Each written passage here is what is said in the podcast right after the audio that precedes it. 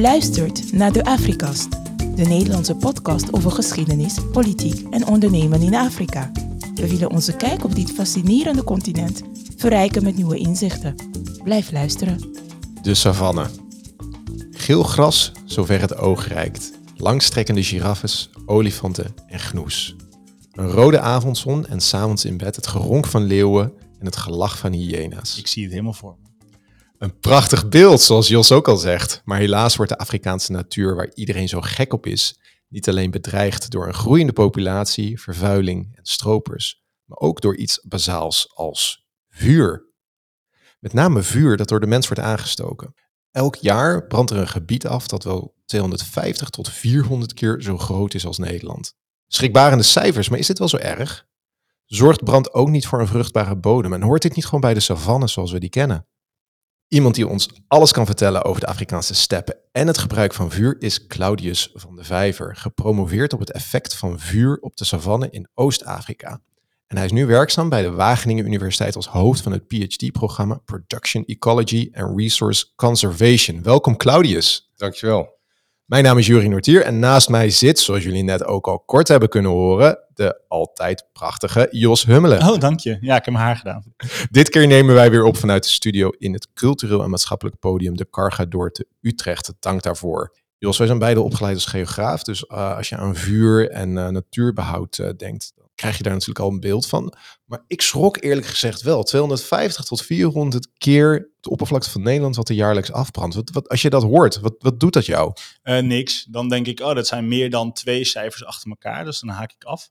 Maar ik, het eerste wat ik dacht was uh, cut en slash, toch? Dus, en, daarna natuurlijk verbranden, zodat het as uh, op de bodem reikt. En dan, kan, heb je een heerlijke, heerlijk stukje grond om te verbouwen. Dus dat uh, dus zat, zat plek, toch? Dus ik ga zo meteen vragen wat het, wat het probleem is. Ik hoor eigenlijk alleen maar positieve dingen dus vanuit jou nu. Nee, maar een beetje flauw. Maar als je dat zo zegt, die aantallen die... Dat, ik heb nu het proefschrift voor mij dan, hè, dan zie je die, op die plaatjes, dan kan je het zien. Op één plaatje zie ik een stuk van uh, dat gele gras waar je het net over had, ja. in de hand staan. Lijkt een beetje op een heidebrand bij Ede in de buurt. Ja, ja, ja dat weet ik wel als heidekneuter.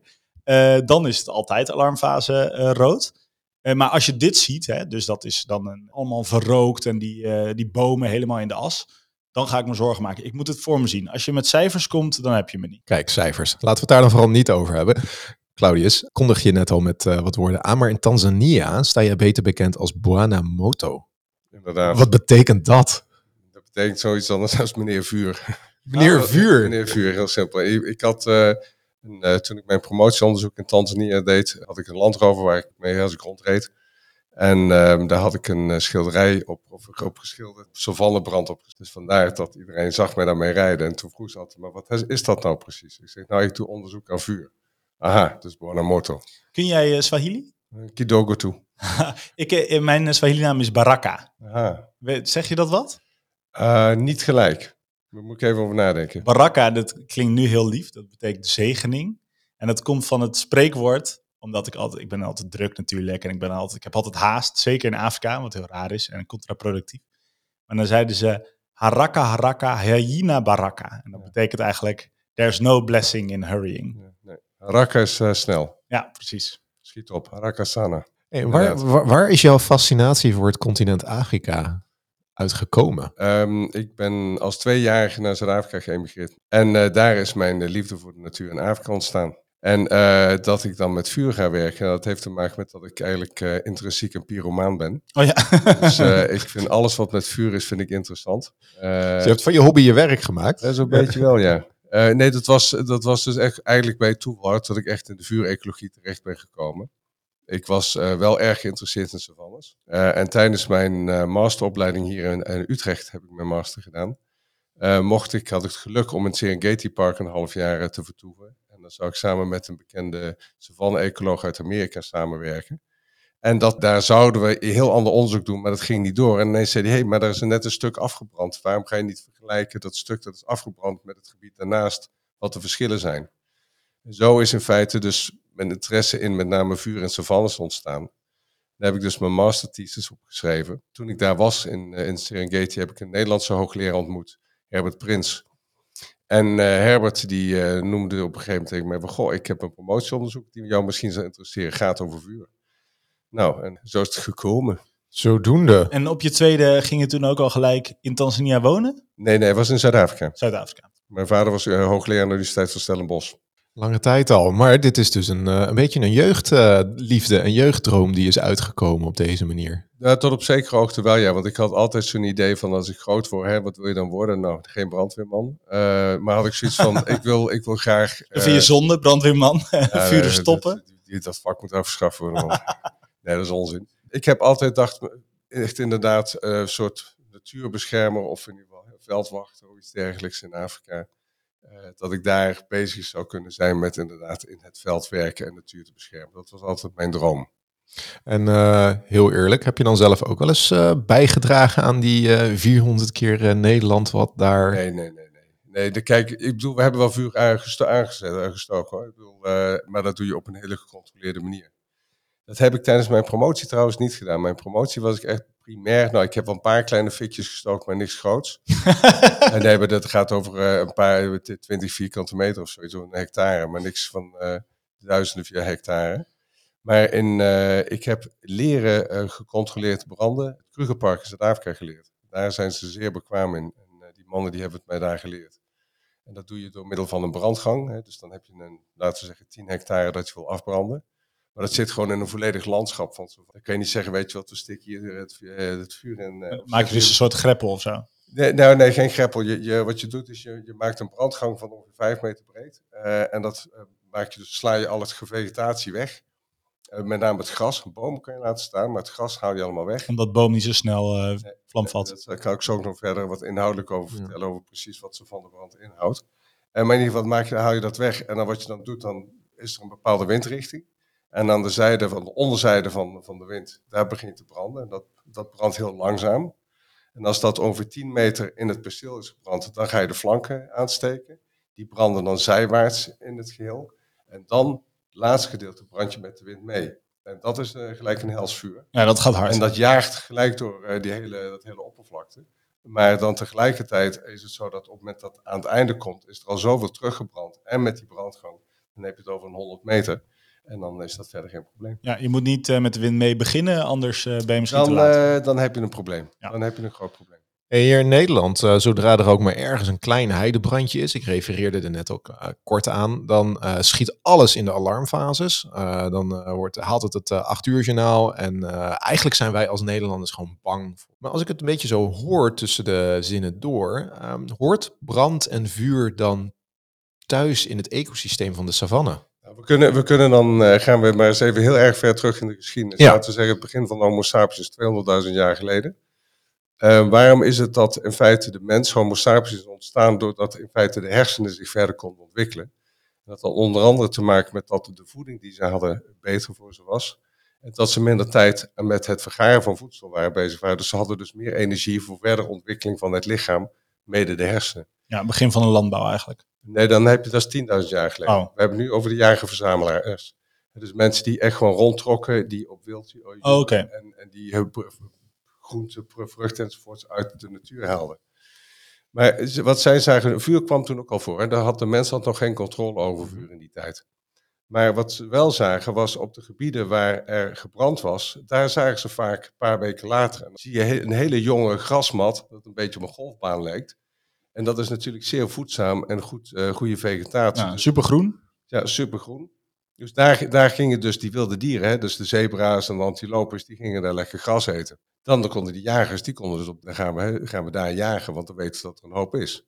Maar dan liepen ze daar rond en dan ben ik er natuurlijk een beetje op een narratieve aan het struiken, maar goed, ik was er zelf niet bij. Maar dan zagen ze bij wijze van spreken dat uh, uh, knollen, die zij normaal rauw aten, die waren daar ineens ook door het vuur geraakt. En gekookt. Die waren, die waren dus lichtelijk gekookt. Oh. En die namen een hap van, nou dat smaakt toch even wat anders. En uh, dat scheelt wel. Dus op die manier dacht ze van, hé, hey, maar misschien kunnen we daar wat mee. Ze begonnen ook steeds meer te merken dat vuur eigenlijk niet uh, angstig was. Hè? Want kijk, een chimpansee is als de dood van vuur. Gorilla, hè? dus de, uh, de, de primaten, hè? we zijn een van de primaten, maar de andere primaten zijn als de dood van vuur. Ja, maar die wonen ook in de bomen, dus dat is heel wat anders. Nou, niet, niet allemaal. Hoor. Ik bedoel, ze, ze lopen ook heel erg veel in ja, vegetatie. En wij komen zelf ook uit de boom. Op een gegeven moment hebben wij toch gezien van, nou, vuur kan je beheren en daar kan je wat mee. Je hoeft niet continu je fik te branden. En zo begonnen ze langzaam maar zeker technieken te beheren, er konden ze nog zelf geen vuur maken. Maar ze konden wel het vuur uit de natuur pakken. Bijvoorbeeld door het in een uh, struisvogelschelp, de helft van de struis, dan deden ze kooltjes erin. Deden ze dat dicht en dan konden ze ermee rondlopen. En dan kwamen ze bij de volgende plek en dan haalden ze de kooltjes uit. Dan bliezen ze de kooltjes met wat droge takjes en dan hadden ze weer een vuurtje. Nou, dit is een proces dat heeft natuurlijk duizenden jaren geduurd. Dat is niet van de een op de andere dag gebeurd. Maar op die manier begonnen ze dus steeds meer te zien van ja, met vuur kunnen we wel wat. Ja. Nou, ten tweede was het zo, toen ze dus dat vuur goed konden beheersen, van nou, we, we, moeten echt weer wat meer wild hebben om, om op te jagen. Nou, dan gingen ze een stukje afbranden en dan kwam dat wild er weer op af. En dan hoeven ze daar met een struikgewas te zitten. En dan konden ze met pijlen konden ze die beesten pakken. Dus dat is een proces geweest, een evolutionair proces. Maar je kan zeggen, nou, daardoor is het zo dat in Afrika eigenlijk de mens en de vuur zijn samen geëvolueerd, zijn samen ontwikkeld. Maar als ik het goed begrijp, zo'n brand hoort gewoon thuis in het ecosysteem van een savanne. Uh, levert ook het nodige op, want als ik het goed begrijp, betekent het dus ook dat de savanne daardoor vernieuwd Waarom zijn wij dan toch zo negatief over brand op de savanne? Weet je, dat is met alles. Stikstof is goed. Te veel stikstof heb je een stikstofprobleem. dus brand is goed. Te veel brand heb je ook een probleem. Dus we even terugkomen naar het, eh, de vraag waar we mee begonnen. Waarom zijn wij hier in Europa zo bang voor vuur? Dat heeft ook een evolutionair, of niet meer, laat zeggen, een cultureel geschiedkundig aspect. De, de steden uh, hier waren allemaal van hout gebouwd. Uh, als er ineens een bos in de fik vloog en er kwam heel erg veel um, hoe heet het, uh, as en hitte en ook vlammen en uh, vonk enzovoorts vandaan. Nou, dan had je in de mumpeltijd had je een enorme stad in de fik staan. Dus dat waren dingen, dat wilden we dus niet. Bovendien, en dat is heeft een heel grote impact gehad over branden ook in Afrika. Eind 19e eeuw hebben de Britse en de Duitse bosbouwers, want er waren geen natuurbeschermers toen, er waren bosbouwers, die zeiden wij willen geen vuur meer in onze bossen, want dat is te dreigend. En toen is er een algemene verbod gekomen op het gebruik van vuur in het landelijk gebied. En uh, die, die regel die werd over het hele Britse imperium uitgerold. Dus ook in Australië, in Afrika, verzin het maar, overal mocht men niet meer uh, vuur gebruiken. Als gevolg daarvan zijn we ook heel erg veel kennis van vuur uh, kwijtgeraakt. Want veel van de Afrikaanse volken die heel goed vuur konden beheren en precies wisten wat ze met vuur moesten doen, Um, die hadden niet de mogelijkheid om dat allemaal netjes opgeschreven te hebben. Dus dat ging van vader op zoon, van moeder op dochter en enzovoort. Hè. Dus dat werd zo op die manier overgedragen. Maar als je dan twee generaties ertussen hebt die eigenlijk niks meer ermee mogen, ja, dan is die kennis weg. En dat hebben we dus veel mee uh, waargenomen. Wel wisten ja, maar uh, toen opa klein was, toen gebruikten ze vuur. Ja, we hebben toch echt een probleem als ons vee, want de veepopulaarstapel in Afrika is vier, vijfvoudig de afgelopen honderd jaar uh, of zelfs meer. Um, die ja, dachten van, nou, wij hebben toch wel een probleem met goed voedsel voor onze grazende dieren. Dus wij, gaan, uh, wij moeten weer gaan branden. Maar hoe, wisten ze niet. Dus daardoor is er met name misbruik van het vuur als beheersmaatregel is daardoor ontstaan. En omdat de bevolkingsdichtheid zo hoog is geworden in Afrika, dat er een enorme veestapel is. Dat sowieso het gebied waar de pastorale systemen, dus de pastorale, de, de veehoeders die rondtrekken met hun vee, die, konden, die hadden ineens ook minder ruimte voor hun vee. En zaten dus steeds in een kleiner gedeelte. Als gevolg daarvan uh, begonnen ze vuur vaker te gebruiken. Dus hey, jij noemde net, ik weet niet hoeveel miljoen hectare er per jaar uh, in de vlammen opgaan. Ja, 400 keer Nederland. Ja, maar je, je, kan, je kan dus ook zeggen van er zijn heel veel in heel veel gebieden in Afrika brand hetzelfde systeem wel e-, eens in de drie jaar. Dus de frequentie van het vuur op dezelfde plek is ook enorm hoog. En dat heeft daarmee te maken. Ja, want dat, dat, dat zie je volgens mij ook terug uh, op satellietbeelden die uh, gepubliceerd ja. worden. Dan zie ja. je dat er over de hele wereld zijn natuurlijk branden. Maar Afrika steekt er wel echt met kop en schouder bovenuit. Als je het, als het over de frequentie en de hoeveelheid en vooral ook het gebied waar het allemaal plaatsvindt. Maar dat is dus ook een leuk verhaal. Dus Afrika is dus in feite het vuurcontinent. Dat noemden de Portugezen, die uh, voor als eerste rond Afrika gingen. Dus Vasco da Gama en consorten die, die zagen dus, die, want die, die schepen gingen niet dwars door de oceaan, die waren meer, hè, die, die schuurden tegen de kust aan. En die zagen dus enorm vaak eh, rookwolken in, uh, in het binnenland van en Afrika. Waren dat dan door mensen aangestoken branden of was dat natuurlijk ontstaan? Nou, daar ga ik, kan ik zo wat uitleggen. Het waren beide. Maar zij, de, de Portugezen, hebben Afrika dus ook gedoopt als Terra dos Fumos, hè? het land van vuur. En, en dat heeft inderdaad te maken met dat uh, vuur was dus oorspronkelijk een natuurlijk verschijnsel, hè, voordat de mens het echt ging eh, gebruiken. Ehm, het is ongeveer 5000 jaar geleden toen de pastorale systemen, dus de herdersvolken, uh, via, uh, via sorry, um, Egypte, Sudan, Somalië, Ethiopië in het savannegebied van Afrika terecht zijn gekomen. Toen zij namen dus vuur als beheersmaatregel ook voor een groot gedeelte mee. En toen is dat echt heel erg toegenomen. Dus de jaarverzamelaars die deden het ook. Maar het waren met name de pastorale volken die daar hier echt veel gebruik van zijn gaan maken. Ja, de pastorale volken zijn dus de herders. De herdersvolken, ja, ja. herdersvolken. En dat, dat zie je dus de Maasai in, in Oost-Afrika, die doen het ook nog steeds. Alleen de vraag is, waarom deden ze dat? Nou, dat is simpelweg gezegd, je brandt doodgras, brand je weg. want als jij bijvoorbeeld aan het einde van de, de Afrikaanse savanne is gekenmerkt door een duidelijke droge tijd en een duidelijke natte tijd. Je hebt het daar niet zozeer over winter en zomer, maar over eh, witte, eh, natte tijd en droge tijd. Als op het moment dat dus de droge tijd er is, dan is er heel weinig voedsel. En dan uh, begint het te regenen. Maar dan zie je dus dat de vegetatie is, staat een dor en droog erbij. En het gros daarvan is daadwerkelijk dood. Dat schiet niet meer opnieuw uit, dat schiet uit van de grond. Dat is een kenmerk waarom savannes zo makkelijk zo vaak kunnen branden. Is dat gras groeit niet van boven, maar van onder. Dus hetzelfde, hè, zoals wij gras maaien. Ik bedoel, we maaien gras met gras blijft gewoon juist daar beter door groeien. Als je gras niet maait voor een hele tijd, is je hele gezond naar de Filistijnen. Dus als dat gras dus kort is, dan gaat het hard groeien. Heeft het heel veel voedingsstoffen bij zich, omdat er veel minder verdund is. In relatie tot een grote hoeveelheid gras heb je veel meer koolstof versus hè, de hoeveelheid nutriënten, voedingsstoffen die daarin zitten. Dus dat, die concentratie zit dan een klein gedeelte boven de grond. Nou, dat is ideaal voor grazende dieren, want daar hoeven ze maar één hap te nemen en dan is het perfect. Dus wat doe je? Je brandt de dode vegetatie weg, de jonge vegetatie komt op. En dan eigenlijk ja, zitten de grazende dieren ineens in een walhalla. Want ze hoeven maar iedere keer een hap te nemen en ze hebben iets eh, voedzaams bij zich. Binnen de droge tijd? Of moet je dan even wachten totdat er weer een wind langskomt? Je moet, je moet wachten voor de eerste regens. Dus de, de klassieke goede manier van branden is je brand nadat de eerste regens gevallen zijn.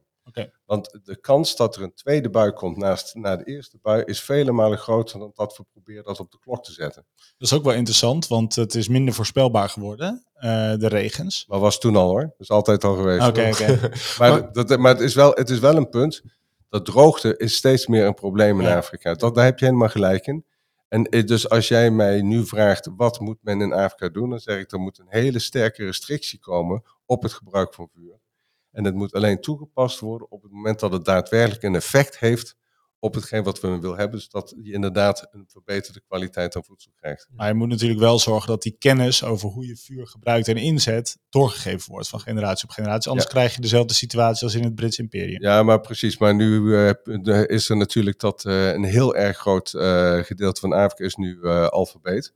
Dus in mensen kunnen schrijven en, en ook natuurlijk enorm veel internationale wetenschappelijke kennis, ook vanuit de natuurbeschermingsorganisaties en de helporganisaties. Die brengen heel veel van die informatie mee. Maar ik denk dat het grootste probleem waar Afrika mee geconfronteerd wordt op dit moment, uh, losstaand van de dingen die jullie in het begin noemden, is gewoon de enorme bevolkingsexplosie. Uh, ik weet dat in het jaar 2050 Nigeria een dichtere populatie zal hebben dan uh, India en China. Dus dan hebben we het over anderhalf miljard mensen. Ja, want volgens mij, wat ik net hoorde, was dat de manier waarop, nou, voor 1900 misschien, laat ik het even eh, grof zo zeggen, dat uh, de manier waarop vuur, werd gebruikt er eigenlijk voor zorgde dat die savanne er best goed bij kon staan, vanwege de gecontroleerde, maar dat we dat nu niet meer zo kunnen zeggen. Ligt eraan waar je bent. Uh, de, de, de, er zijn nog goed beschermde gebieden, natuurgebieden, waar wel vuur voorkomt. Um, die er nog uh, prachtig en uh, ja, pristine, ze dan in het Engels, uitzien. Er zijn heel veel gebieden die uh, door menselijk handelen, overbejaging, maar ook de hogere veestapels. Hè, want de hoge veestapel betekent dat die koeien en met name de geiten, die eten op een gegeven moment alles op. En dan heb je de kale bodem. Nou, dan komt er een zware regenbui. Nou, dan weet je wat er gaat gebeuren. Als jullie als geografen krijg je erosie. Ja. En dan ben je je prachtige toplaag. En dan ben je, je toplaag kwijt. Nou, en dan uh, dat is het begin van het einde. En als je een beetje relief hebt, heb je dan ook nog van die mudflows en zo. Daar word je helemaal niet goed van. Ik was toevallig uh, afgelopen zomer in, um, uh, in Kenia, in Eldoret. En in een gebied vlak daarbuiten. zag ik een, uh, een gebied dat echt volledig nutteloos is geworden, puur door erosie. Dat waren erosiegeulen van 10 meter diep. Echt ongelooflijk. Die elephant toes. Ja, en dat is echt, dan, en dat heeft, dat heeft puur te maken door gewoon misgebruik van het systeem met te hoge bevolkingsdichtheid, te veel vee. En ze eten werkelijk, dit vee eet alles op. Er staat nog een enkele boom en that's it. En uh, jeuken jouw handen dan om te zeggen, jongens, even koppen bij elkaar.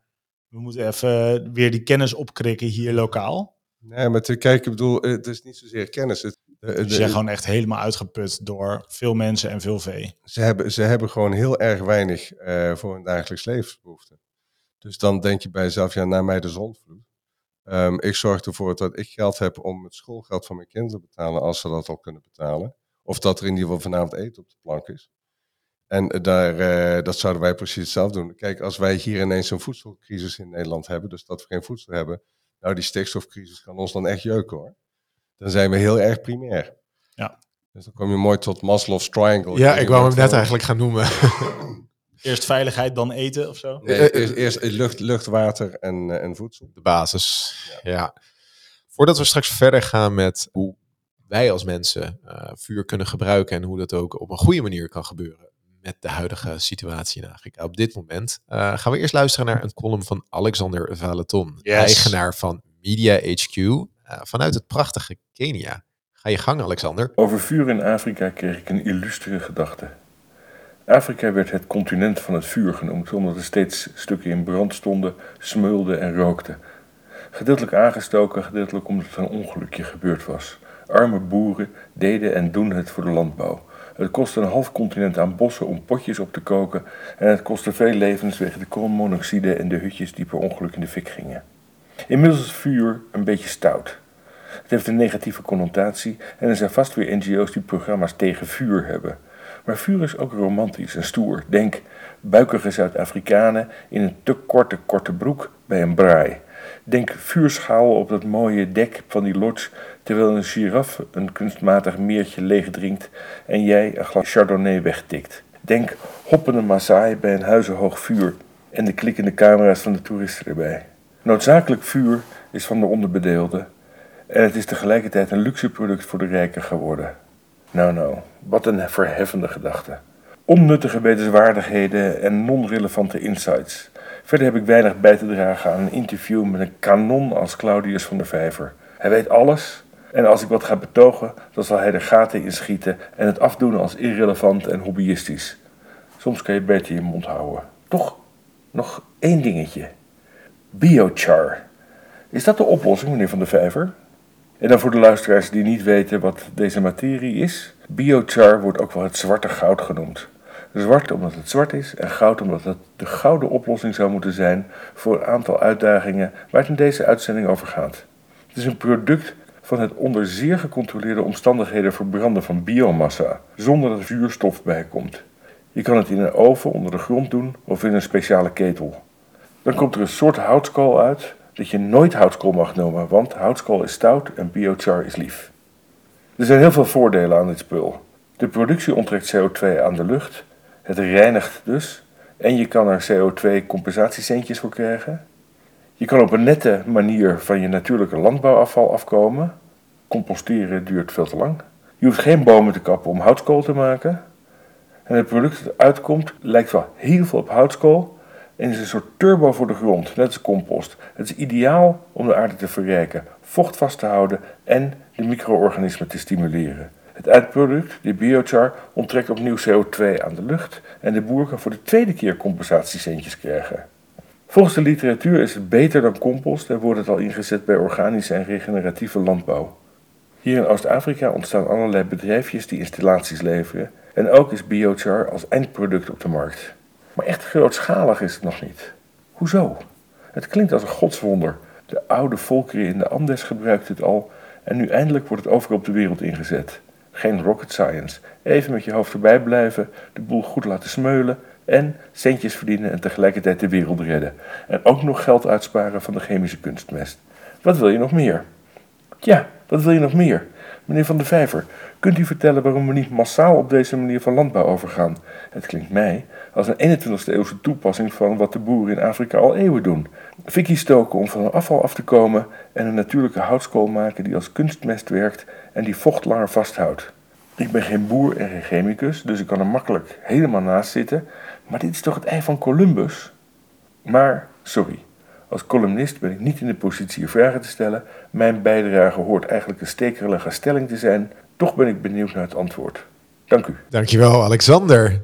Ja, ondanks dat hij misschien geen boer of chemicus is, uh, lijkt het wel alsof hij inderdaad het ei van Columbus heeft gevonden. Wat denk jij daarvan? Nou, hij heeft het niet gevonden. Biochar is al iets wat uh, inderdaad al oud is. Hij noemt bijvoorbeeld in Zuid-Amerika. En daar heb je de Terra Preta bijvoorbeeld. Hè. Dat hebben ze ontdekt dat er uh, lage bodems zijn die heel erg zwart zijn. Dus de zwarte gronden. En die zijn onder andere door biochar en intensieve landbouw zijn die ontstaan. Um, ik moet je zeggen, ik weet niet heel erg veel van biochar af. Ik weet wel een aantal dingen die hij zegt die niet helemaal kloppen. Want uh, dat heeft te maken met het feit, niet, zo, niet zozeer in het proces, maar veel meer in de beschikbaarheid van afval. Hij heeft het over afval, dan heb je het over landbouwafval. Dan heb je het over uh, wat er overblijft als je mais weggooit. Dus de struggle noem je dat. Wat normaal is het zo dat, dat uh, een heel groot probleem in de Afrikaanse landbouw is dat er te veel te weinig koolstof in de grond zit. En daardoor heb je geen stabiele bodem. En wat je dus hebt, die voedingsstoffen die in de bodem zijn, die verbinden zich vaak met, uh, met koolstof in allerlei organische co componenten. En die vervolgens uh, in de loop der tijd weer door decompositie of mineralisatie, zoals het dan heet, weer beschikbaar worden voor planten. Op het moment dat er heel weinig koolstof in de grond zit, dan krijg je het probleem dat er heel makkelijk uitspoeling van de, dit type voedingsstoffen zijn. En daarin kan het zeer zeker een rol spelen. Dus als jij zegt van goed, wij willen dus die, uh, dus die, die landbouwafval willen wij graag uh, daarvoor gaan gebruiken, dan zou mijn advies zijn, ploeg het rechtstreeks de grond in. Want dan heb je ook niet het, uh, laten we zeggen, de negatieve effecten van het produceren van biochar. Dat kan ook weer een gunstig zijn, punt zijn. Ten tweede, waarom is het dan dat de boeren dat op dit moment dan niet doen? Nou, simpelweg gezegd, dat die restproducten van maisproductie of graanproductie, verzin het maar, dat gaat rechtstreeks naar een vee. Want een vee heeft het al zwaar en al dat soort dingen gaat naar het vee toe. Dus er blijft bijna niks over. Er is niks om biochar van te maken. Nee, verhoudensgewijs erg weinig. En, en dus hij noemde op een gegeven moment ook dat men uh, door middel van biochar, dat noemen ze dan ook inderdaad charcoal, hè, houtskool. Dat is dus inderdaad een procedure die ook al heel erg lang in Afrika bestaat om goedkoop uh, brandbaar materiaal te hebben voor in het, voor in het huishouden. Ja. Dus hè, om te koken, dat soort zaken. Ja, als je over een willekeurige Afrikaanse ja. markt uh, loopt, dan zie je van die hele grote zakken, ja. wit vaak. Ja. Het steekt er wat zwarts uit en daarop koken ze. Ja. En dat blijft wel lang warm, maar uh, er komen ook stoffen bij vrij die je liever niet wil inademen. Nee, Zeker dat niet als is, je uh, er is een niet uur echt boven gezond. hangt of zo. Dat is niet echt gezond. Maar je moet ook zeggen, er is voor hun ook geen alternatief. Want je, je kan ook gewoon gas in Afrika kopen. Hoor. Je kan uh, van alles kopen, dat is geen probleem. Maar het kost geld. En, uh, en dat heeft men niet. Dus dit blijft langer branden dan hout? Ja. Maar het is wel... Um... Het brandt niet, hè? het gloeit met ja, name. Precies. Ja. Dus het is hetzelfde als zoals wij steenkool vroeger ook in, in de kachel deden. Dus een soort, een soortgelijk principe. Alleen uh, steenkool heeft een veel, houdere, uh, veel hogere calorische waarde dan, uh, dan houtskool. Zoals Alexander ook al zei, wordt, wordt Afrika het vuurcontinent genoemd. Je noemde het zelf, net zelf ook al. Volgens mij is er geen plek op de wereld waar mensen al langer vuur gebruiken dan in Afrika, met name Oost-Afrika. Dat is ook waar jij onderzoek hebt gedaan. Hoe verhouden op dit moment de mensen in Oost-Afrika zich tot vuur? Vergeleken ook met hoe men zich hier in Europa tot vuur verhoudt. Nou, een kleine correctie. Ik denk dat je het gewoon zuiver over, laten we zeggen, Sub-Sahara-Afrika moet hebben. Nog breder trekken eigenlijk breder dan alleen Oost-Afrika. Inderdaad. Want uh, kijk, waar komen er zijn de eerste mensen? Uh, dat weten we nog steeds niet. Sommigen zeggen in Zuid-Afrika, sommigen zeggen in Oost-Afrika. In Ethiopië zeggen ze Ethiopië. Olduvai kloof, toch? Uh, Olduvai Gorge, maar in Zuid-Afrika heb je ook een paar plekken.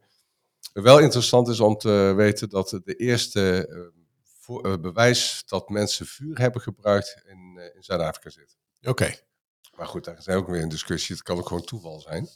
Dus dat is ook een beetje... Een stukje nationalisme waarschijnlijk ook om de ook, kijken. ook, maar kijk, ik bedoel, eh, als je kijkt naar de ratio van wetenschappers eh, in Afrika, dan staat het van Zuid-Afrika versus de rest van Afrika ongeveer op 1 tot 10. Dus Ja. als je 10 wetenschappers hebt die naar vuur gaan zoeken en eentje, ja, dan, dan is de kans dat je met die 10 ja, het is net als met, groter. net als met kievitseieren zoeken. Ja, Waar de meeste mensen exact. zijn, eh, gaat die gevonden worden. Precies. Nou, dat, dat, is, dat is dus daarin ook een, een- dat, dat klopt. Het grote, een van de dus dingen die, die wij dus hier in het Westen ehm, heel erg goed hebben weten te regelen, is wij controleren vuur. Wij moeten kijken, wij zitten hier nu, eh gebruiken elektriciteit hier aan tafel om eh, de speakers en alles draaiende te houden. We zitten met licht aan tafel. Eh, dat komt van een centrale vandaan. En dan is dus de vraag van, ja, waar, hoe wordt die centrale? Hè? Komt die aan zijn energie? Nou, dat is nog steeds voor een heel groot gedeelte allemaal door middel van vuur. Hè, dus steenkool of gas, het wordt allemaal verbrand. Dus wij weten in feite het allemaal goed afgesloten te gebruiken. En eh, nou, open haard hebben we thuis gehad. Nou, tegen- dat mag tegenwoordig niet meer. Hè. Dat moet ook allemaal gesloten zijn. Ja. Het zijn allemaal afgesloten ruimtes waar wij wel heel graag vuur hebben. En zoals eh, in de column ook net werd vermeld, hè, want mensen vinden het toch wel heel erg romantisch om bij een houtsvuurtje te zitten. Dus wij hebben inderdaad een bepaald romantisch beeld van vuur. Maar tegelijkertijd is het, eh, is het dus heel een groot hulpmiddel. Het, kan, het doet heel erg veel in ons dagelijks leven.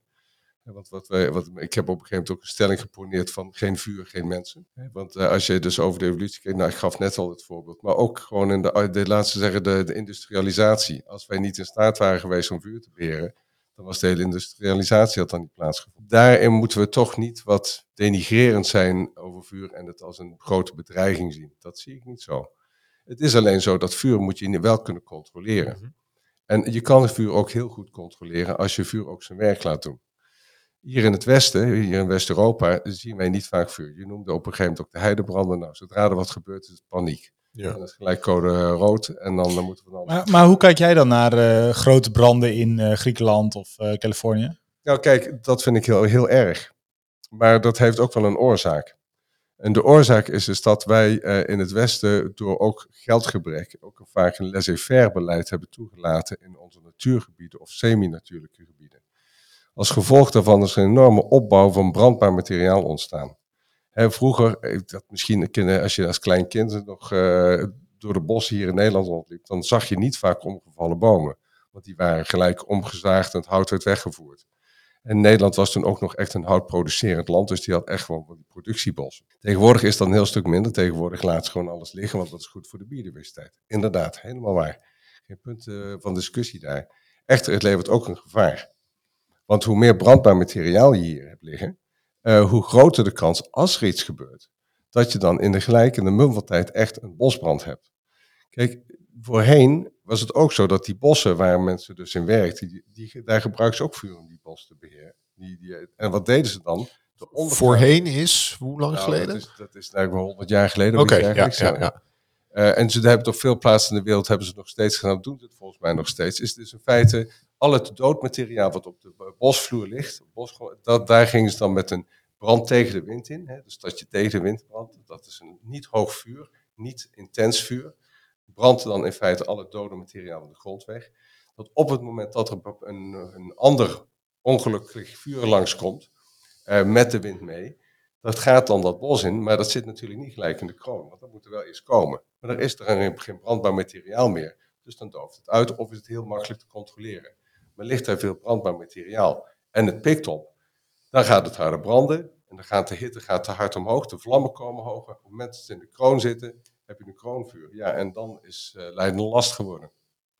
Want dan is vuur eigenlijk voor ons altijd iets destructiefs en iets ongewenst. Um, hoe kijkt men daar dan in nou, Sub-Sahara-Afrika naar? Is het daar ook altijd, als er, als er ergens een brand uitbreekt, waren het door een blikseminslag of door menselijk toedoen, is dat dan altijd iets verschrikkelijks? Onze heidebranden, wij hebben ook beheerd heidegebrand. Um, en dat was ook omdat de hei voor jong moest worden. Mm -hmm. Dat kan nog steeds en dat zou nog steeds moeten. Alleen de angst dat het uit de klauwen loopt. En we hebben allerlei regelgeving. Nederlandse wetten over gebruik van vuur, Nederlandse wetten over rookontwikkeling, al dat soort zaken. We hadden het net over de Ginkelse hei bij Ede. Als je die uh, in, in, uh, aansteekt en je krijgt op een gegeven moment dat heel Ede twee dagen in de rook zit, ja, dan weten we ja. dat we een probleem hebben. Ja. Dus daar, daar wordt dat soort zaken wordt heel veel naar gekeken. En we zitten gewoon in een zeer dicht bevolkt gebied. En dat is het probleem van Afrika. De ruimtes natuurlijk nog veel groter zijn. Mhm. Dus er zijn wel veel meer mogelijkheden. Ik vraag me af, als jij eh, aan veel mensen ehm, in Nederland zou vragen wat ze van vuur vinden, dan halen ze dat primair van het nieuws vandaan. Want mensen denken er niet zozeer intrinsiek over na. Mhm. En ik denk dat hetzelfde geldt in Afrika. Ik denk dat veel mensen die inderdaad wel met vuur te maken hebben in hun dagelijks leven, daar ze zeker ehm, iets van over weten en iets over kunnen vertellen. Dus bijvoorbeeld de Maasai noemde ik zojuist in Oost-Afrika. Nou, die kunnen een goede boom opzetten over vuur. Maar als je naar iemand gaat in het centrum van Nairobi, ja, ik denk niet dat ze, ja, ze, ze weten wat vuur maken thuis is. Om eh, dus het houtskool aan te steken om s s'avonds te koken. Dat kunnen ze heel goed. Want wordt het nog steeds op grote schaal gebruikt? Vuur om landbouwgrond vruchtbaarder te maken? En Dat, dat, zie, dat zie je, dus daar begonnen we toen helemaal aan het begin noemde je dat slash and burn. Eh, en dat is dus inderdaad een, een methode die nog steeds veel in de wereld gebruikt wordt. Eh, zeker ook door arme boeren, die, maar die branden, branden dan echt een stuk bos af. Ja, oké. Dus die branden een stuk bos af, maar dan heb je het over zo'n grote hoeveelheden organisch materiaal dat verbrand wordt. Waarbij de hoeveelheid rest, rest wat overblijft, dat is dan veel, vele malen veel meer. Dus de voedingsstoffen die daarin zitten, zijn daardoor inderdaad ook veel hoger. En dan heb je dus inderdaad een voordeel voor de landbouw. Ik heb in Afrika heb ik zelf onderzoek gedaan naar het effect van eh, brand, het branden van vegetatie, hè, dus van de- gras en de Ja. kruiden en struiken, eh, op de vruchtbaarheid van de bodem. En die was in het gebied waar ik werkte minimaal. Ehm, of was eigenlijk niet zichtbaar. Oké. Dus dan vraag je af, maar hoe komt het dan dat de, het gras dan zelf wel voedingsrijker was eh, als je het gebrand had? Nou, dat heeft te maken met die eh, verdunningseffect wat ik noemde. Dat is één ding. En er zijn het Verdunningseffect? verdunningseffect is dat als je, laten we zeggen, je hebt, ehm, je hebt 10, eh, 5, 5, 5 gram zout. eh, en in het ene geval is het gras heel kort. Dan heb je Ah, zo ja. 10 milliliter water. Of het gas is hoog, 100 milliliter Dus die, die eh, voedingsstoffen zijn gecomprimeerd als het ware. Omdat ze precies. een klein sprietje zitten. Exact, exact. Dus dat, dat is in feite het hele verhaal over de, de verhoging van de kwaliteit. En het andere punt is de verjonging. Ja. Dus eh, jonge vegetatie heeft altijd een hogere nutriënten- of voedingsgehalte dan, eh, dan oudere vegetatie. Dus dat zijn de twee belangrijkste effecten die daarvoor zorgen. Je ziet dat het ook steeds drukker wordt in Oost-Afrika. Steeds meer mensen eh, komen erbij. Ik kan me voorstellen dat vuur dan ook steeds risicovoller wordt, zoals dat in, eh, in West-Europa ook is. Zijn er op dit moment al regels voor vuurgebruik in de landbouw of in de natuur? Eh, ja, dus die zijn er altijd al geweest. Alleen ze zijn enorm moeilijk om die te zorgen dat ze nageleefd worden. Hoezo? Ja, ten eerste, je moet wel een goede politiemacht hebben om dat te controleren. Maar als jij eh, ineens ziet dat er een stuk eh, gebied in, de- in, brand staat, wie heeft dat gedaan? Wie, wie, wie ga je erachter en wie gaat eruit zoeken wie dat gedaan heeft? Dat is niet zo makkelijk te achterhalen. Dus ehm, ja, dat is, die, die regels en wetten in Oost-Afrika, dat is eigenlijk meer voor de bühne dan dat het echt een effect heeft. Maar het is, ze maken zich er wel zorgen over. Dat, dat is wel zo. Inderdaad, veel van de gebieden waar vroeger bijna niemand woonde, dat zit nu toch hele grote de bevolkingsdichtheden. En dat levert echt zijn complicaties op. Wat voor complicaties moeten we dan aan denken? Nou ja, kijk, ten, ten eerste gewoon het, dus de frequentie dat voorkomt, dus dat het landschap gewoon echt eh, verpaupert, echt achteruit gaat. Eh, dat is één belangrijk punt. Maar ook gewoon kansen dat gebieden eh, door brand echt bedreigd worden. Hè? Dus dat je een brand wel overslaat naar een woonwijk van een stad. En eh, laten we zeggen, hè, de, de ghetto's van een stad, dat die daarin terechtkomen, de squattercamps. Nou, dat, dat zou dramatisch zijn. Zien we dit ook al gebeuren? Ik heb, ja, ik, er zijn een paar keer dat ik zo de afgelopen 20, 30 jaar er eens wat in de krant over heb gelezen, maar het is geen eh, lopende bandwerk, nee. Hey, mag ik Trump er even tussendoor gooien? Altijd. Weet je nog, Claudius, dat eh, er heel veel branden waren in Amerika, met name in het westen. En dat Trump toen eh, zei van, ja, ik ben in Noorwegen geweest. En they reek the floor. En dan ging hij ook zo'n harkje nadoen. Zo van, ja, je moet gewoon zorgen dat, reek the floor, dat alleen al dat je the floor noemt in plaats van the ground. Maar dat je het, je moet het gewoon een beetje bijharken. En dan, eh, eh, ja, dan ontstaan die branden niet. Wa- wa- Wat daarvan is waar? Nou, dat heeft dus te maken met wat ik vertelde, dat met bosbeheer, dat je de, de ondergroei in feite controleert Ja, maar dat is niet harken. In dit geval was het verbranden. Als verbrand. Maar goed, in, het kan zijn dat ze in Noorwegen het gewoon verwijderen in die bossen. Dat zou heel goed kunnen. Maar dat kan je niet vergelijken, want dat gaat niet over het natuurlijk gebied. En, en, en wat er in Californië gewoon gebeurt, is daar heb je hetzelfde probleem. daar heb je dus ook een hoge bevolkingsdichtheid. Daar heb je dus dadelijk de kans op vuur neemt toe. Je hebt uh, de klimaatsomstandigheden, want dat is een ander punt. De, in heel veel gebieden in de wereld zijn de klimaatsomstandigheden dusdanig aan het veranderen dat ze voor meer vuur kunnen gaan zorgen. Ja, want hoe werkt dat eigenlijk? Dat betekent gewoon dat het materiaal droger is, de zon feller en dan is, er, is het nou, licht onvlambaar of zo? Niet, niet zozeer de zon feller, maar uh, ik heb dus een aantal jaar geleden heb ik toen ook een, uh, ben ik op Radio 1 en wat dan ook uh, in, in de nieuws gekomen, want ik had toen een internationale cursus over brandecologie ontwikkeld. En daar hadden we een aantal sprekers bij en toen hadden ze een interview met mij gedaan over dus branden in Nederland. En toen maakte, stelde ik dat door de klimaatsverandering Nederland wordt natter en warmer. Mhm. Waarbij de variatie in weersomstandigheden ook toeneemt. Dus je kunt natte tijden hebben, een droge tijd. En kijk, we maken het nu al mee. Dus het komt sneller dan dat we hadden gedacht. Um, dan stel je het volgende voor. Je hebt uh, een hele natte voorzomer. Dus het groeit als kool. Dus uh, in de bossen, uh, laten we zeggen op de Utrechtse Heuvelrug, staat het gewoon helemaal klem met gras en jonge struiken en dat soort dingen. En dan ineens de maand juli en augustus kurkdroog.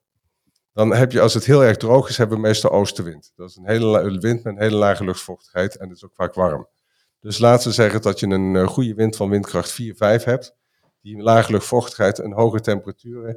En dan uh, ergens in Renen heeft iemand aan het barbecue en dan gaat er even iets mis. En uh, het bos komt in de fik. Dus toen poneerde ik, zeg, nou dan staat het brand binnen twee dagen is het hele Utrechtse heuvelrug af. Ja, want je hebt heel veel biologisch materiaal, dat is heel droog. Dat is droog, inderdaad. En de wind staat precies verkeerd. En de wind staat verkeerd en dan heb je een harde wind die droog is en de hoge temperaturen. En dat zijn de factoren die bepalen of een vuur wel of niet goed aanslaat. Dus luchtvochtigheid, de vochtigheid van de vegetatie uh, en, uh, en de windsnelheid. Valt me wel op dat in al die scenario's Edenaren het haasje zijn.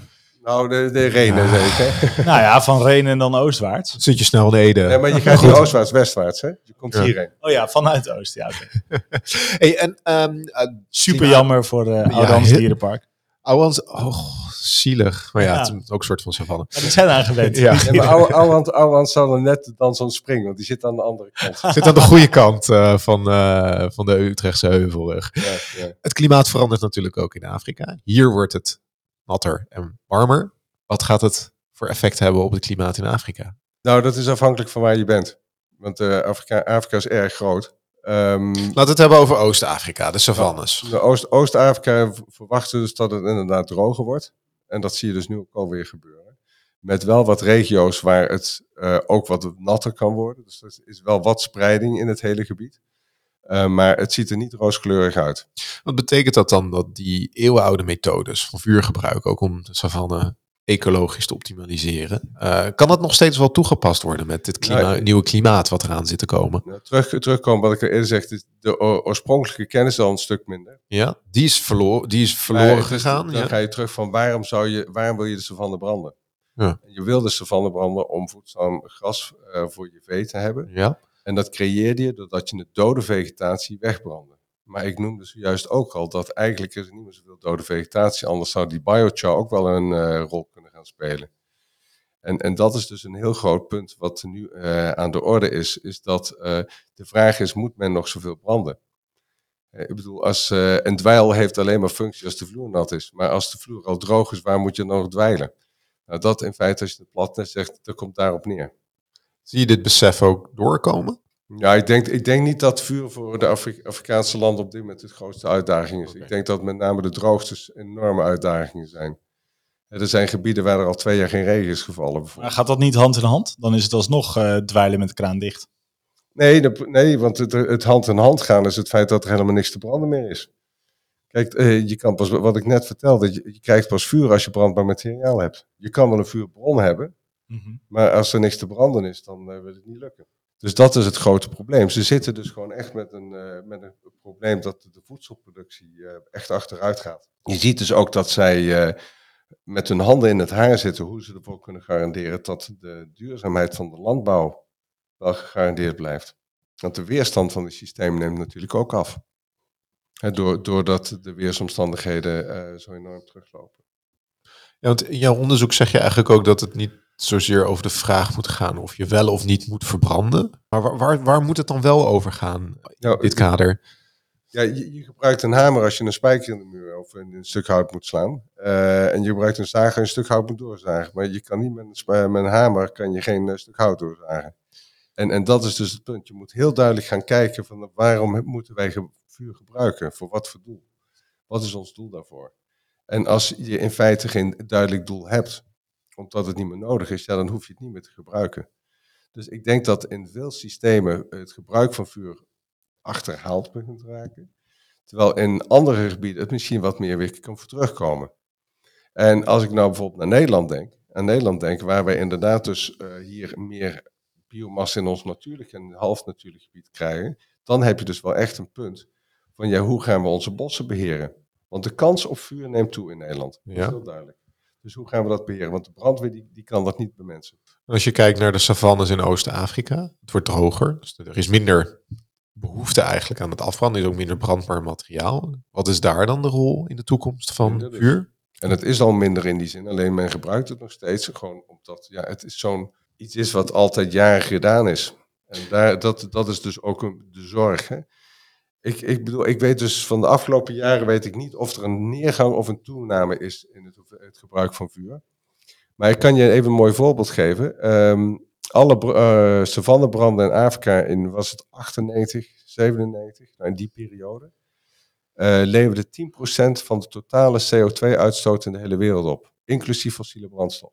Dat is een eh, flinke hoeveelheid Ja, dus. dus dat is echt enorm veel. En dat heeft ook te maken, dus hè, die kaarten waar je het over had, waar je ziet dus dat echt het heel erg veel voorkomend is. Ik zou dat nu wel eens willen zien. Ik heb die kaarten al de afgelopen tijd niet meer gezien, maar ik ben benieuwd of daar al een verandering in is opgetreden. Die savannebranden in die periode, wat was een beetje de verhouding tussen wat er door de mens was aangestoken en wat er natuurlijk was ontstaan? Beetje afhankelijk van het gebied, maar in Oost-Afrika denk ik dat 90 tot 95 procent van de branden door de mensen zijn aangestoken. Oké, dus we hebben echt wel een enorme invloed op Ja. de hoeveelheid Van de savannebranden. savanne wat Ja, er en, verandert. en ja, ik, er is een ander punt, dat is wel ook een interessant iets. Ehm, hoe ontstaan savannes? Want savannes zijn eigenlijk vanuit, laten we zeggen, biologische ontstaan van een systeem eh, heel erg irrealistisch. Normaal wat wij zien is, als je een braakliggend stuk grond hebt, dan komt eerst komen daar grassen op. En eh, wat ze dan ruderale soorten noemen, dat zijn soorten die makkelijk opkomen, die maar even daar een jaar of twee jaar zijn en dan gaan ze alweer weg komt er langzaam maar komen er struikjes binnen, kleine bomen. En dan na, een, na zeg 20, 30, 40, 50 jaar heb je daar een volledig bos staan. Savannes zitten daar juist tussenin. Want savannes zijn en gras en bomen. Alleen veel minder bomen. Het is een dominant grasvegetatie met hier en daar een boom. Dan is de vraag van waarom is dat? Waarom gaat het niet naar dat bos? Nou, daar heeft vuur een belangrijke rol in te spelen. Dus vuur zorgt ervoor dat er niet een gesloten bos ontstaat. Want die kleine boompjes verbranden. Die verbranden in het gras, in de grasbranden. En omdat boompjes, ik noemde net eerder dat gras die heeft zijn groeikern aan de grond zitten en dat wordt niet verbrand na zo'n savannebrand. Bomen die hebben de groeipunten bovenin zitten. Dus dat verbrandt allemaal. Dus eh, als je dat met twee keer met zo'n boom doet, dan is het gauw einde oefening. Dat is een lastige eh, verhouding die je aan hebt. Als je te weinig brand hebt, verandert het in een bosgebied. En als je te veel brand hebt, dan, wat krijgen we dan? Aride. Nee, dan, dan, krijg je een heel mooi, dan kan je ook een bosgebied krijgen. Die snap ik niet. Nee, exact. Nou, en dat, heeft, dat is dus iets te maken met dat eh, de intensiteit van vuur is afhankelijk van de hoeveelheid gras. Dus eh, iets kan branden, maar dat wil nog niet zeggen dat dit vuur echt het effect heeft. Als er heel weinig vegetatie is, dan kan het nog steeds branden en dan brandt het gras weg. Maar die boompjes, die hebben dan minder last van dat vuur. Als gevolg daarvan kunnen die boompjes ineens veel harder groeien, want ze hebben minder concurrentie met het gras, omdat het gras is net weggebrand, dus wij kunnen even doorgaan. Dus dan zie je dus dat, en dat noemen ze in het Engels bush encroachment, verstruiking, dat in een hele korte tijd eh, van een open graslandsavanne er een gesloten bos is. Ga je me dan nu vertellen dat eh, als we op de huidige manier doorgaan met het eh, verbranden van savannegrond, dat we dan over een aantal decennia met veel meer bosland zitten in eh, Oost-Afrika? Nou, bush encroachment wordt naast, naast verdroging als een van de grootste problemen. En, en dat heeft, dan denk je van, oh, dat is toch heerlijk. ja, nee, ik wou net zeggen, waarom is dat een probleem? Meer bomen, dat is toch wat elk land wil eigenlijk? Ja, maar wat, wat doe je met al die herdersvolken? Ja, goed punt. En, en, en, en die bossen, daar... daar, Die daar- eh, gaan naar Rusland. Oh ja, vast. die eh, die eh, herdersvolken, die, dat is dus één groot pu- punt. Maar ten tweede, die vegetatie, dus die bossen, die daar dan voor in de plaats komen voor die savanne, dat is nou niet heel erg divers. Daar kan je eigenlijk niet heel erg veel mee. Het zijn niet mooie grote bomen waar je zegt van, nou weet je, daar gaan we echt een houtindustrie mee opzetten. Dus het levert in die zin echt heel veel problemen op dat mensen gewoon hun leefbaarheid, hun leefomgeving kwijt zijn door die verstruiking. En wat ik al zei, omdat het dus ook al droog is, zijn die struiken die worden niet mooie bomen of zo. Nee, het is allemaal laag. Dus ja, het is gewoon struikgewas. Een beetje, moet ik het vergelijken met wat je in de Kalahari ziet? Struikgewas tot, aan, eh, tot op ooghoogte een beetje? Ja, en, eh, maar dan veel dichter. Oké. Maar Kalahari is super droog. Ja, Kalahari is erg droog, maar ook in dat soort type gebieden kan het ontstaan. Hoewel, eh, ik denk, kijk, het is niet alleen vuur dat bepaalt of het een savanne is. Hè. Er zijn andere factoren. Dat heeft ook bodemgesteldheid, type bodem, zandbodem, kleibodem, hoeveelheid regen, verdeling van de regen over het jaar. Zijn allemaal factoren die daar een rol bij spelen. Maar vuur is er wel eentje in combinatie met eh grazers en knabbelaars. Dus, hè, dus de, de, de knabbelaars, wat ze dan in het Engels de browsers noemen, hè, die eten dus niet grasgewassen, maar juist bomen en struiken. Hè, olifanten, eh, zwarte neushoorn, kudu, nou, of noem maar eens even een aantal van die Afrikaanse wilde dieren op. Eh, die eten dus allemaal bomen en struiken. En als daar een hoge dichtheid van is, dan houden zij de vegetatie ook open. Jori, ben jij meer een grazer of een knabbelaar? ik denk dat ik meer een knabbelaar Ja, denk ben. ik ja, ook, ja, dat dacht je al. ik ben wel een grazer namelijk. Ja, ben jij echt Ja, een grazer? Ja, jij gaat gewoon voor de frisse groene blaadjes. Ja, als het maar veel is. Dus eh, voor jou moeten we het eigenlijk Eh, een beetje in de fik gaan steken. Dan, dan ben je, dan- als, je, als je zegt als het maar veel is, dan ben je of een eh, witte neushoorn of een, of een buffel. Nou, wat denk je? Ik denk dat jij, ik vind jou echt een buffel. Ik denk dat eh, als Willemijn deze aflevering ooit gaat horen, mijn vrouw, dat ze daar roeren mee eens dat jij een buffel Ik ben bent. een buffel, ja. Die ga ik er ook inhouden, denk ik. Maar als ik het. Oké, het, het is een best wel een complex verhaal als je aan de ene kant het vuur niet te veel wil hebben, maar aan de andere kant ook niet te weinig, want dat zorgt er voor de toekomst. Ehm, als we nu verder naar de komende jaren kijken, ja. wat moeten wij, moeten zij, of wat moeten wij, wij als wereld eigenlijk gaan doen om die prachtige savannegronden nog te behouden en niet over te laten gaan in bosgebied? Ja, want luisteraars, als we het over de savannes hebben, hè, dan hebben we het dus over de Serengeti. We noemen al die parken eens in Kenia en, en Tanzania, waar Dat we... zijn er heel veel. Kru- Kruger is ook eh, gedeeltelijk eh, Het, savanne. het is ook nogal een groot gebied. Ja, Kruger is 2 miljoen hectare. Dus Serengeti is bijna zo groot. En eh, ah, hoe heten die eh, parken nou in Zuid? Mara heb je, de Tsavo, ehm Amboseli. allemaal savanne, savanne, savanne. Het is allemaal primair savanne. Ja. Nou, ik heb zelf mijn onderzoek gedaan in Tarangire National Park. Dus ik, eh, en, ehm, Ligt dat bij Tanganyika? nee, dat ligt, Nee. ligt ten zuiden van Arusha. Het ligt ten zuiden van de Kilimanjaro. En Oh ja, ik ben daar geweest. Ja, daar ben ik dat geweest. Is het park dat is prachtig. van Baobabs. Ja, dat is ook een beetje glooiend eh, Ja, bij bepaalde gebieden. Ja, mooi. Nee, de- ik, denk, ik denk dat de grootste dreiging op dit moment voor, eh laat zeggen, Afrikaanse natuur in de brede, hè, dus, want dan zijn het de mensen. Bevolkingsdichtheid is veel te hoog. Ja, en die mensen die hebben grond nodig. En kijk, de Serengeti staat bekend om zeer productieve eh, gronden. Hè. Dus de, de Ook korte- iets wat ik me niet altijd besef. Ik zie een grasland, ik zie alleen maar gras groeien. Ik denk dat zal vast niet de beste, de beste landbouwgrond zijn. Nee, maar, eh, het, maar het is ook maar de- met name die, die herdersvolken, die willen juist daar met hun, hun vee naar die korte graslanden. Oh, daar gaat het om. Oké, ja. En ja, tuurlijk, je kan er een paar jaar mais op kweken, maar het, dan gaat het ook over water. Hè, want er moet wel water zijn, anders kan je geen landbouw bedrijven. Dus het grootste punt is juist in, de, in het Serengeti, is, is daar pas weer recentelijk onderzoek naar gedaan, is dat er is een enorme bevolkingsdichtheid rondom dat park. En, en dat levert zoveel problemen op. Want vroeger was het zo dat die beesten die konden uit het park trekken. Die konden elders heen gaan en dan kwamen ze terug. Dus die hele migratieroutes, nou, de migration van de Serengeti, die kennen we allemaal wel. Maar dat is één route. Maar er zijn ook andere typen migraties daaromheen van andere dieren. En die zijn, worden allemaal geblokkeerd. Dus die beesten worden allemaal steeds meer dat park ingeduwd. Nou, dat heeft allerlei complicaties voor eh, in feite hè, de populatiestanden. Nou, en dat heeft dus, als je zegt van wat, is, wat moet er gebeuren, dan denk ik dat een van de dingen die zou moeten zorgen is dat de steden in Oost-Afrika moeten voldoende werk hebben voor mensen om heen te gaan, dat ze daar hun geld gaan verdienen. En dat niet aan de randen van wat zij denken een goudmijn is voor hen.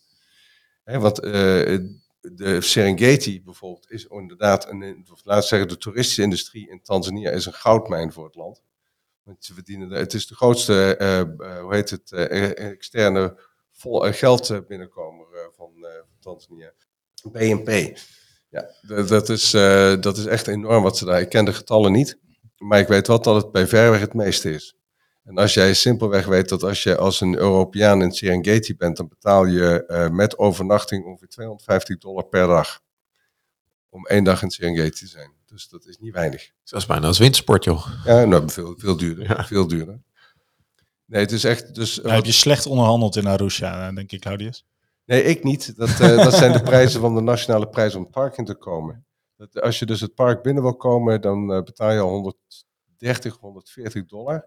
En dan is een overnachting, een hele eenvoudige overnachting, betaal je iets van ruim 120, 130 dollar. Dat is echt enorm veel geld. Als je een beetje luxe gaat zitten, zit je zo aan de 500 dollar per dag. En dus is dan met Nou, dat ging ik niet. En eh, ik, zag, ik lag in een tentje in de Serengeti. En op een gegeven moment moest, was ik echt misselijk geworden. Ik weet niet wat ik had gegeten. En dus ik, ging, ik moest eh, overgeven. Sorry, een beetje vies verhaal. Maar toen liep ik best wel een stuk naar iets wat eh, moest doorgaan voor een wc. En ik hoorde inderdaad in de verte de hyena's. Ja, ja, precies dat, ja. Ja, En ik, dacht wel, beter eventjes snel de boel eruit en mijn nest weer in. Ja, nee, ik heb ook vaak genoeg dat ik dacht, nou, ik houd het wel even op. Omdat ik, Ja. omdat- dat ik eh, rare geluiden hoorde eh, in de National Park. Het was toch je vriendin. Nou, ik weet het niet.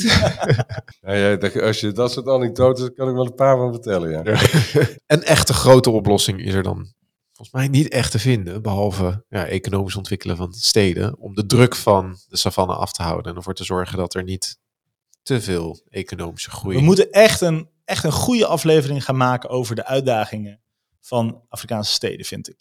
Ja, laten we het over steden hebben. Gaan we aan ISO vragen. Bedankt weer voor het luisteren naar de Afrikast. Wil je meer weten over het onderwerp natuurbehoud? Luister dan ook nog eens naar onze zevende aflevering over natuurbehoud met Christian van der Hoeven. Nogmaals, speciale dank aan Claudius van de Vijver van de Wageningen Universiteit, Alexander Valeton voor zijn scherpe column en de Cargador voor het faciliteren van dit mooie gesprek. De redactie was vandaag in handen van Ruben. Elands. Bedankt voor het luisteren en tot de volgende keer. Asante Sana. Heb je het toch gedaan? Tena.